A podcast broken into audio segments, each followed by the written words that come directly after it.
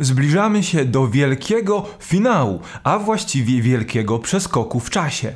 Porozmawiamy sobie o drugim odcinku piątego sezonu serialu Riverdale, który właśnie zagościł na Netflixie. Zapraszam. Cześć, witam was bardzo serdecznie. Postanowiłem, że jednak w tym tygodniu przybędę z recapem tego, co wydarzyło się w ostatnim odcinku Riverdale. Tydzień temu mogliście zobaczyć i usłyszeć co sądzę na temat powrotu Riverdale z piątym sezonem.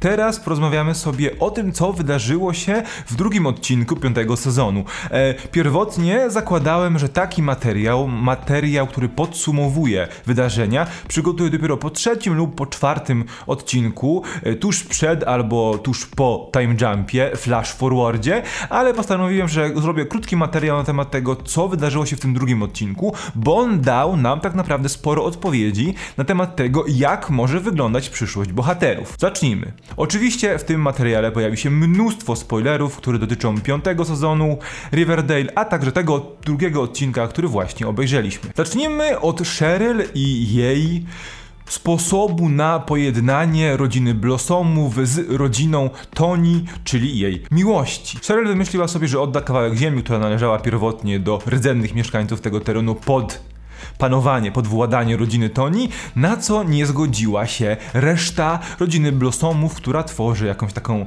wielką, tajemniczą radę. No i Cheryl zastanawiała się, co zrobić z tym wszystkim. Postanowiła, że zwróci się o pomoc do swojej mamy, która ewidentnie od początku e, postanowiła zrobić coś diabelskiego po tym, jak powiedziała Cheryl, że może byś wyjechała z miasta.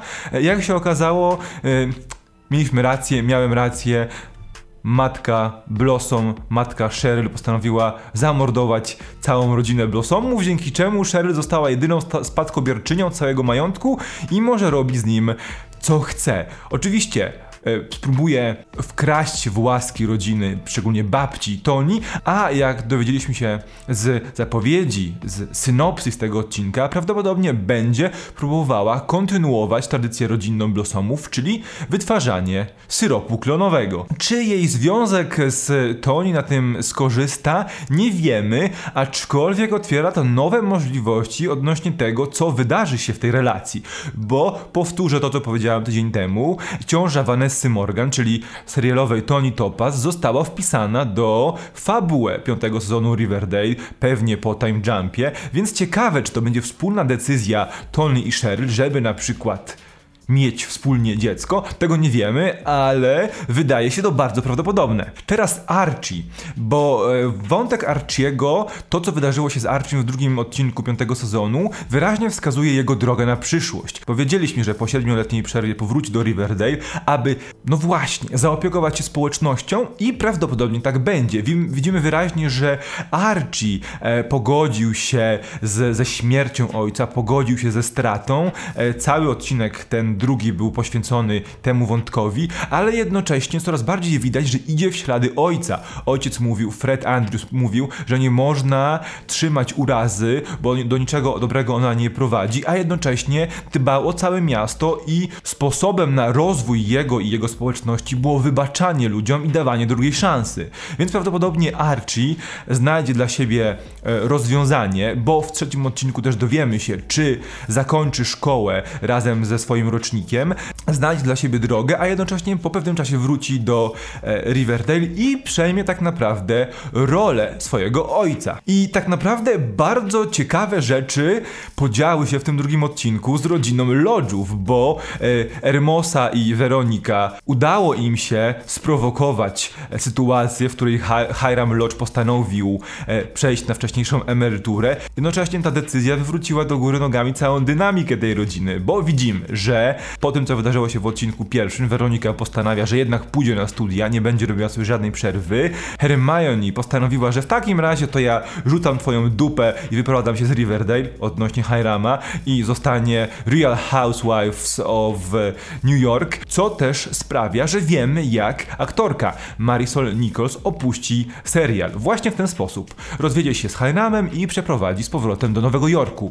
Natomiast interesem pod nieobecność Hajrama e, i Weroniki zajmie się Hermosa. No i to jest ciekawe, dlatego że prawdopodobnie fabuła będzie skonstruowana w ten sposób, że po powrocie Weroniki do Riverdale ona również będzie trzymała pieczę nad interesem, interesami lodżów. Jednocześnie nie pasuje trochę do tego charakteru Weroniki, która już jest teraz zdecydowaną młodą kobietą, to, że wróci z mężem do Riverdale, mężem, który będzie bardzo zazdrosny, nadopiekuńczy e, i bardzo kontrolujący, bo to zupełnie zmieni dynamikę tej postaci i rodzaj jej charakteru. Jestem ciekawy, jak ten wątek zostanie rozwiązany. No i perełka na koniec, bo udajemy się w stronę rodziny Cooperów i Jonesów. Tak, tak, w tym odcinku, w drugim odcinku piątego sezonu wyjaśnia się zagadka kaset i kolejnego mordercy. E, od dłuższego czasu było wiadomo, że raczej dużą rolę w tej intrydze będzie odgrywał Charles, czyli przyrodni brat zarówno Betty, jak i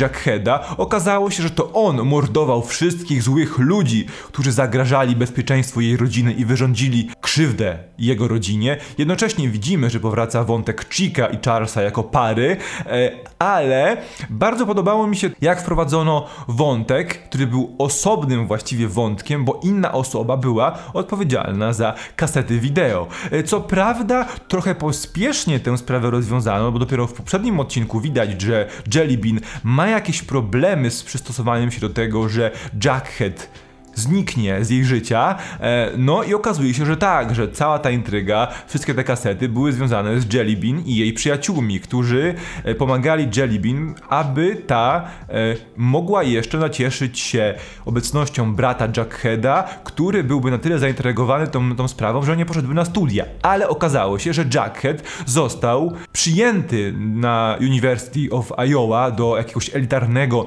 programu dla przyszłych pisarzy, no i jednak wybierze się na studia. Z drugiej strony to, że Charles okazał się kolejnym seryjnym zabójcą w rodzinie Betty, biedna Betty, e, ale, ale na początku czwartego sezonu Charles powiedział, że ma ten sam gen seryjnego mordercy, który miał ojciec. E, czyżby to było takie foreshadowingowanie tego, że Betty też będzie bliska wkroczenia na, tę ścieżkę? To jest bardzo ciekawe. E, no bo Betty prawdopodobnie wybierze się na studia do Akademii FBI i stanie się konsultantką, a później agentką.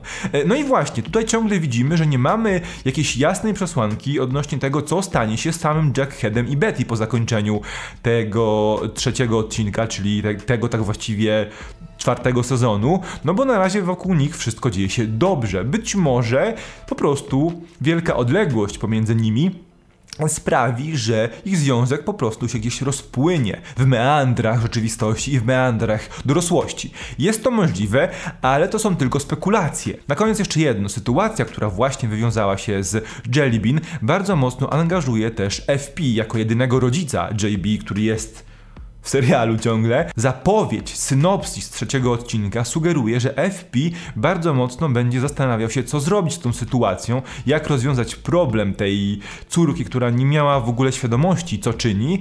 E, I wszystko wskazuje na to, że razem z córką wyjedzie z Riverdale, co też świetnie wpasowuje się w to, że sam aktor Skid Urlik właśnie żegna się z serialem na dobre. Trzeci odcinek zatytułowany jest Graduation, czyli zakończenie szkoły.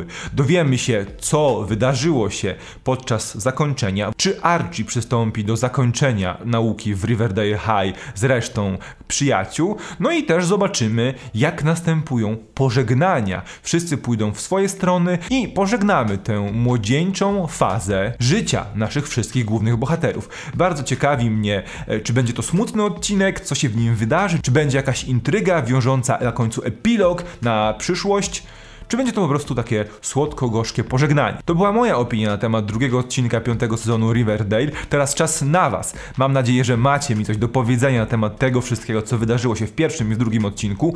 Czekam na Was w komentarzach. No i jeśli Wam się podobało, zapraszam Was do innych materiałów wideo. Jest ich mnóstwo na różne tematy, również na tematy związane z serialami młodzieżowymi. Dziękuję Wam za dzisiaj, a my widzimy się w kolejnych materiałach i kolejnym wideo poświęconym Riverdale. Trzymajcie się, cześć!